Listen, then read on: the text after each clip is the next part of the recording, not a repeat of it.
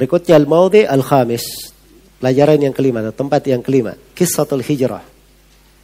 Kisah tentang hijrah. Iya.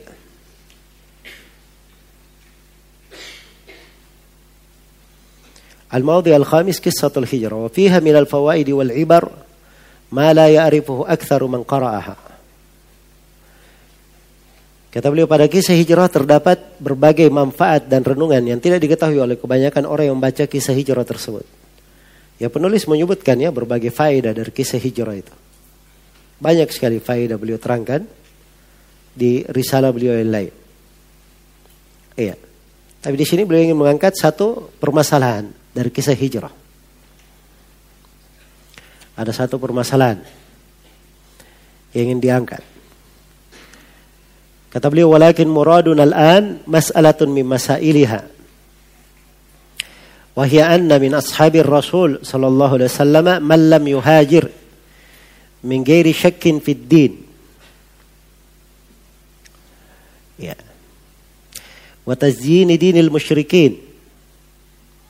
Lakin mahabbatul ahli wal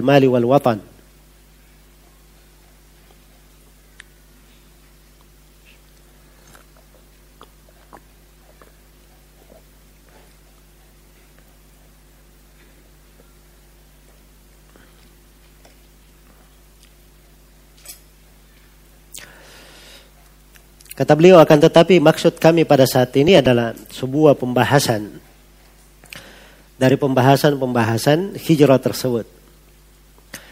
Yaitu bahwa ada di antara sahabat Rasulullah sallallahu alaihi wasallam yang tidak berhijrah. Bukan karena ragu dalam beragama atau menganggap bagus agama kaum syirikin. Iya. Tapi melainkan cinta kepada keluarga, harta dan tanah kelahiran. Jadi ada sebagian sahabat yang tidak apa? Tidak berhijrah. Ketika keluar perintah hijrah itu, Nabi dan para sahabat berhijrah ke Madinah, ada sebagian yang tetap berada di Mekah. Dia tetap di sana. Tidak berhijrah. Bukan karena ragu pada agamanya, dia yakin. Karena agama Islam. Tahu tauhid, syirik dia yakin itu. Hah? Bukan pula dia memperbagus agama kaum musyrikin, tidak. Tapi masalah mereka apa? Mereka lebih cinta kepada keluarganya, hartanya, dan tanah kelahirannya. Dia mau hijrah ini ada keluarga-keluarganya di sini. Iya. Dia mau hijrah, ada hartanya, yang perlu dia rawat. Kalau dia hijrah akan habis semua nanti. Diambil oleh kaum musyrikin. Ya. Dia hijrah tidak kuat dia tinggalkan apa? Tanah lahirnya. Ada orang yang seperti itu. Dia tidak bisa meninggalkan tanah kelahirannya. Iya. Dia sudah terbiasa di negerinya. Di tanah lahirnya. Nah itu juga yang terjadi pada sahabat yang sudah berhijrah. Bahkan Nabi Wasallam. Ya, kadang beliau masih mengingat kota Mekah dan beliau berada, berada di Medina. Ya. Dan sebagian sahabat mengingat sebagian hari-hari mereka di Mekah di malam-malam tertentu. Ya, menunjukkan kecintaan kepada negeri mereka. Tapi mereka tetap hijrah, Nabi dan para sahabatnya. Dan hukum hijrah, kalau seorang sudah berhijrah, itu tidak boleh lagi kembali ke tanah yang apa? Dia sudah tinggalkan. Itu hijrah namanya. Iya. Tidak boleh lagi kembali ke tanah yang dia tinggalkan untuk bermukim di sana. Tapi kalau kembali untuk sebuah keperluan yang tidak ada masalah. Jadi Nabi dan para sahabat setelah hijrah ke Medina, kan Mekah setelah itu ditaklukkan menjadi negeri Islam kan? Iya. Tapi Nabi dan para sahabat tidak ada yang kembali ke Mekah. Tetap di mana? Tetap di Medina. Padahal Mekah adalah tanah yang paling dicintai oleh Allah. Di atas muka bumi. Mekah lebih afdal daripada Medina. Tapi kewajiban hijrah seperti itu. Iya. Tidak ada yang kembali lagi ke tempat yang dia telah tinggalkan. Walaupun Mekah berubah menjadi negeri Islam sudah. Baik. Dan ini juga terkait dengan pembahasan negeri ya, apa yang mendominasi di negeri itu. Ya, Mekah ini dirintis oleh Nabi Ibrahim, Nabi Ismail. Dia negeri Islam. Kan begitu? Tapi begitu terjadi perubahan, tonggak-tonggak kesyirikan tampak padanya. Kebanyakan penduduknya musyrikin, maka berubah dia, bukan lagi menjadi negeri Islam, menjadi negeri kafir. Jelas ya? Nabi diperintah hijrah meninggalkan Mekah. Setelah ditaklukkan oleh kaum muslimin, syiar-syiar agama nampak, kebanyakannya kaum muslimin berubahlah menjadi apa? Menjadi negeri Islam. Iya. Menjadi negeri Islam. Ini juga di antara dalil untuk satu pembahasan ya menilai sebuah negeri itu negeri Islam, negeri kafir. Ini di antara sudut pembahasan. Ya kadang dilihat negeri sebuah negeri itu dikatakan negeri Islam atau negeri kafir dilihat kepada salah satunya dilihat kepada mayoritas penduduknya dan dilihat syiar-syiar yang apa namanya berkembang di situ. Baik. Jadi di antara sahabat ada yang tidak berhijrah. Iya. Apa yang terjadi? Falamma kharaju ila Badrin kharaja ma'al musyrikin karihin. Begitu kaum musyrikin keluar ke ke Badar. Maksudnya ini kejadian di perang Badar ya. Ya, mereka yang tidak berhijrah ini keluar bersama kaum musyrikin dalam keadaan terpaksa. Jadi paksa mereka ikut. Faqutila ba'duhum birrami warrami la ya'rifuhu. Maka sebagian dari mereka ada yang terbunuh. Ya. Oleh bidikan kena tombak atau panah. Dan si pembidik tidak mengenalinya. Pembidik kan sahabat yang membidiknya dia nggak kenal. Ini sahabat yang tidak hijrah. Dia tahu ya ini kaum musyrikin. Semuanya di depannya. Para sahabat merangi ada yang terbunuh ternyata. Iya, falamma sami'a sahabatu min al-qatla fulanun wa fulan syaqqa alaihim. Ah, nanti Tatkala para sahabat mendengar bahwa di antara yang terbunuh adalah si fulan dan si fulan, nama-nama yang mereka kenal sebagai sahabat Nabi yang tidak berhijrah. Maka hal tersebut membuat para sahabat menjadi sangat berat. Iya. Waqalu qatalna ikhwanana dan para sahabat berkata kami telah membunuh saudara-saudara kami. Dianggap saudara-saudaranya. Fanzalallahu innal ladzina tawaffahumul malaika zalimi anfusihim ila qawlihi wa kana Allahu afuwan ghafura. Maka Allah turunkan firman-Nya. Ini saya sebutkan ayatnya lengkap ya, tiga ayat. Innal ladzina tawaffahumul malaikatu zalimi anfusihim. Qalu fima kuntum? Qalu kunna mustada'afina fil ard. Qalu alam takun ardullahi wasi'a fatuhajiru fiha. Faulaika ma'wahum jahannamu wa sa'at masira. Sungguhnya orang-orang yang para malaikat mewafatkan mereka dalam keadaan menganiaya, mendolimi diri mereka sendiri. Jadi mereka dikatakan mendolimi apa? Diri mereka sendiri. Malaikat bertanya kepadanya dalam keadaan bagaimana kalian? Mereka menjawab, kami orang-orang yang tertindas di atas muka bumi, maksudnya di Mekah. Ya. Maka malaikat berkata kepada mereka, bukan ke bumi Allah itu luas? Sehingga engkau dapat berhijrah. Orang-orang itu tempatnya adalah neraka jahanam dan neraka jahanam itu adalah seburuk-buruk tempat kembali. Illa al-mustada'afina min ar-rijali wan nisa'i wal wildan la yastati'una hilata wa la yahtaduna sabila. Kecuali ya, orang-orang yang tertindas baik laki-laki, perempuan maupun anak-anak yang tidak berdaya, tidak memiliki kekuatan dan tidak mengetahui jalan untuk hijrah Faulaika asallahu ayya'fu anhum wa kana Allahu afuwan ghafura. Mereka ini semoga Allah memaafkannya. Dan Allah Maha Pemaaf lagi Maha Pengampun. Maka turun ayat-ayat ini penjelasan ya, kejadian yang terjadi. Baik. Kata Syekh rahimahullah, ya. Waman ta'ammal tahun. Sekarang beliau mengeluarkan faedah ya, mulai mengeluarkan faedah dari kisah ini. Kata beliau, "Faman ta'ammal tahun. Siapa yang memperhatikan kisah mereka? Kisah sahabat yang tidak berhijrah ini. Wa ta'ammal qala sahabat dan dia perhatikan ucapan sahabat. Qatalna ikhwanana. Kami telah membunuh saudara-saudara kami. Ya. Liannahu lam yablughum anhum kalamun fid din atau kalamun fi tazyin dinil musyrikin. Kenapa masih dikatakan saudara-saudara kami oleh para sahabat?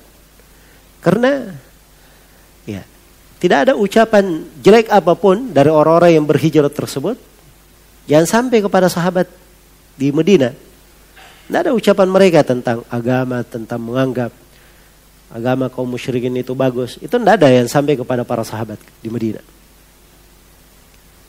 Iya. Kata beliau, walau balagahum syai'un min dhalika lam yakulu qatalna ikhwanana. Andai kata suatu ucapan tersebut sampai kepada sahabat, pasti mereka akan berkata, kami, pasti mereka tidak akan berkata kami membunuh saudara-saudara kami. Sebab itu jelas ya, dia membela apa? Kesyirikan. Iya. Sudah meruntuhkan dari sendi agama. Tapi tidak ada yang sampai kepada mereka di Medina. Orang-orang yang berada di Mekah ini, sahabat yang tidak hijrah ini, ada yang berucap jelek tentang agama, ada yang menganggap bagus agama kaum musyrik ini, tidak ada yang sampai. Nah itu sahabat ber, masih berkata, kami telah membunuh saudara-saudara kita, dianggap saudara, dianggap kaum muslimin.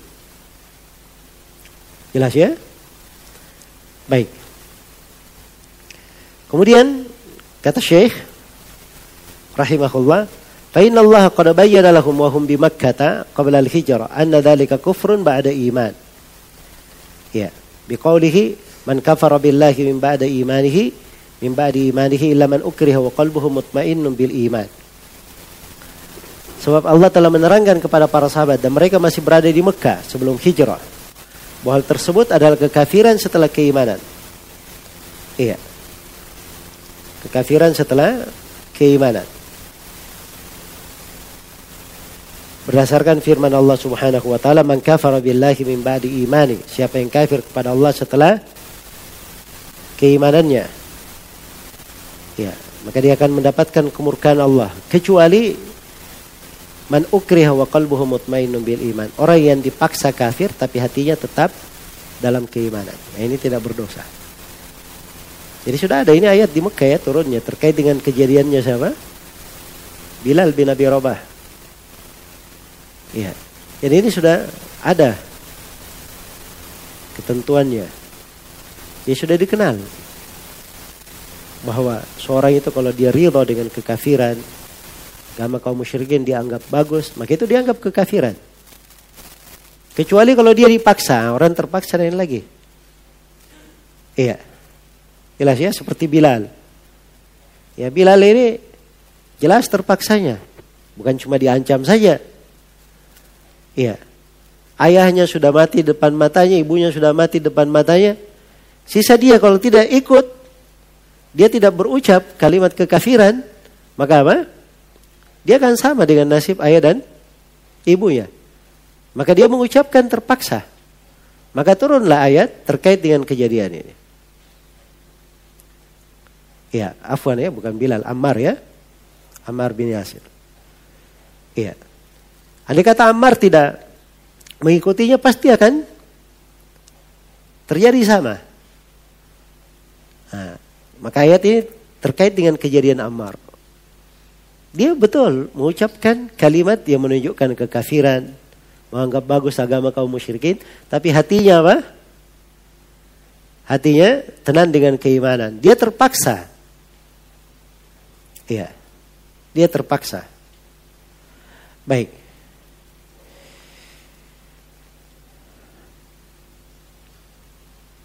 Iya. Nah, di sini Syekh lebih memperdalam pembahasannya. Beliau ingin menegaskan di sini bahwa ini ayat ini kejadiannya terhadap sahabat. Mereka itu tidak dikenal ada masalah di dalam agama mereka. Mereka tidak dikenal ragu dalam agama. Mereka tidak dikenal menganggap bagus agama kaum musyrikin. Iya. Jelas ya? Ketika para sahabat berkata, saudara-saudara kami, ini ucapan sahabat benar. Betul saudaranya, mereka masih muslim. Jelas ya? Mereka masih muslim. Iya. Andai kata ucapan sahabat ini tidak benar, maka tidak mungkin dibiarkan begitu saja ucapan tersebut. Iya. Karena itu kata Syekh rahimahullah, walam yakulu kadabtum. Ya, mislu yakulu Allah wal malaika lil mujahid. Uh, sebentar. Kata beliau wa ablaq min hada ma taqaddama min kalamillahi ta'ala fihim. Dan lebih mendalam lagi ya. Jadi satu hujjah ya. Dan lebih mendalam lagi dari hal ini keterangan yang telah berlalu dari firman Allah tentang mereka yaitu ayat ya innal ladzina tawaffahumul malaika. Ayat yang di atas. Ya. Fainal malaikat takul karena para malaikat berkata, "Fima kuntum?" Dalam keadaan bagaimana kalian? Ditanya dalam keadaan bagaimana kalian? Tidak ditanya oleh malaikat, "Kaifa tasdiqukum?" Bagaimana keyakinan kalian? Sebab keyakinannya tidak diragukan. Ini kalian dalam keadaan apa? Kenapa tetap di Mekah, tidak hijrah? Nah, itu pertanyaan malaikat. Iya. Maka mereka menjawab, "Qalu kunna mustada'afina fil ard." Kami adalah orang-orang yang terdolimi di atas muka bumi, maksudnya di negeri Mekah. Ya. Kan begitu jawabannya.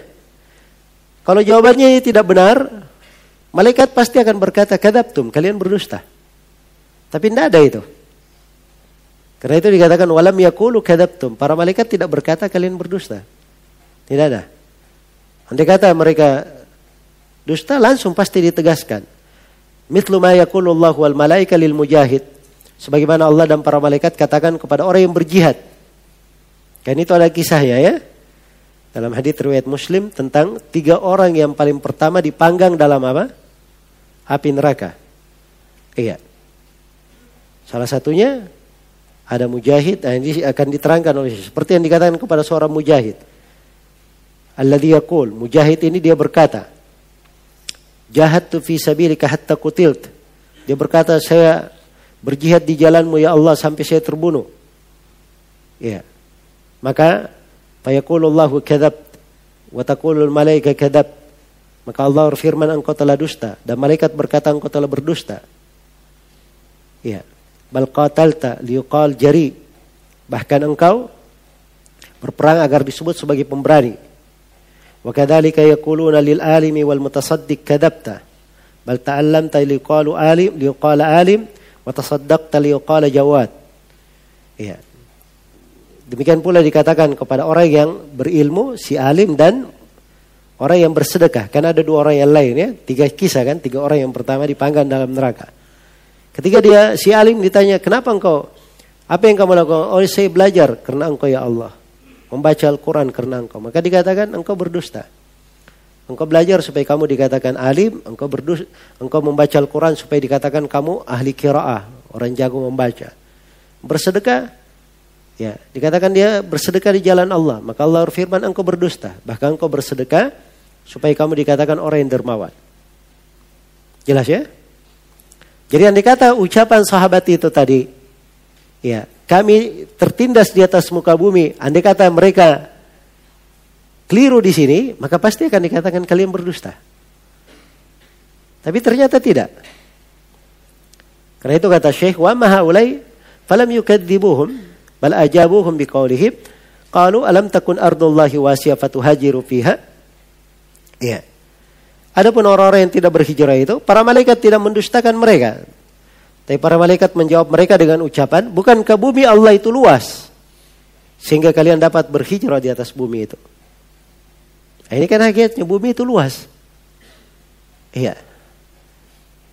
Nah, ini pendidikan besar ya.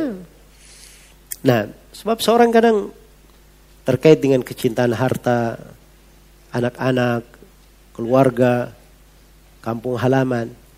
Padahal kalau dia berpindah dia mencari ridho Allah, dia akan yang lebih baik daripada itu. Akan dia dapatkan hal yang apa? Hal yang lebih baik. Ah. Karena itu dikatakan bukan ke bumi Allah itu luas. Sehingga engkau berhijrah padanya.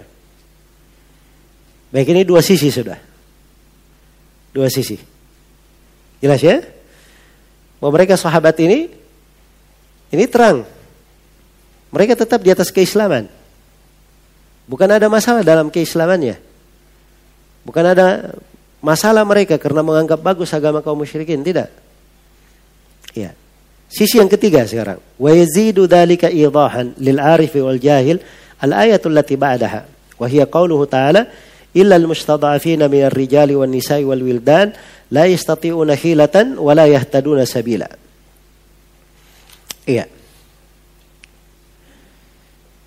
Kata penulis, hal tersebut semakin diperjelas bagi orang yang mengerti dan orang yang jahil. Diperjelas oleh apa? Diperjelas oleh ayat setelahnya. Yaitu firman Allah Subhanahu wa taala, kecuali orang yang tertindas baik laki-laki, wanita maupun anak yang tidak memiliki daya upaya, tidak memiliki kekuatan dan tidak mengetahui jalan berhijrah. Iya. Jadi kan di sini tidak di, tidak semuanya disalahkan. Yang berada di Mekah itu tidak berhijrah. Kan begitu? Eh, tidak semua orang yang berada di Mekah dikatakan, oh ini mereka melanggar. Mereka ini ada orang-orang yang punya udur, benar, dia punya udur. Udurnya apa? Mereka lemah. Lagi-lagi tapi ada kelemahan. Kalau dia keluar mungkin dia bisa dibunuh. Iya. Jelas ya?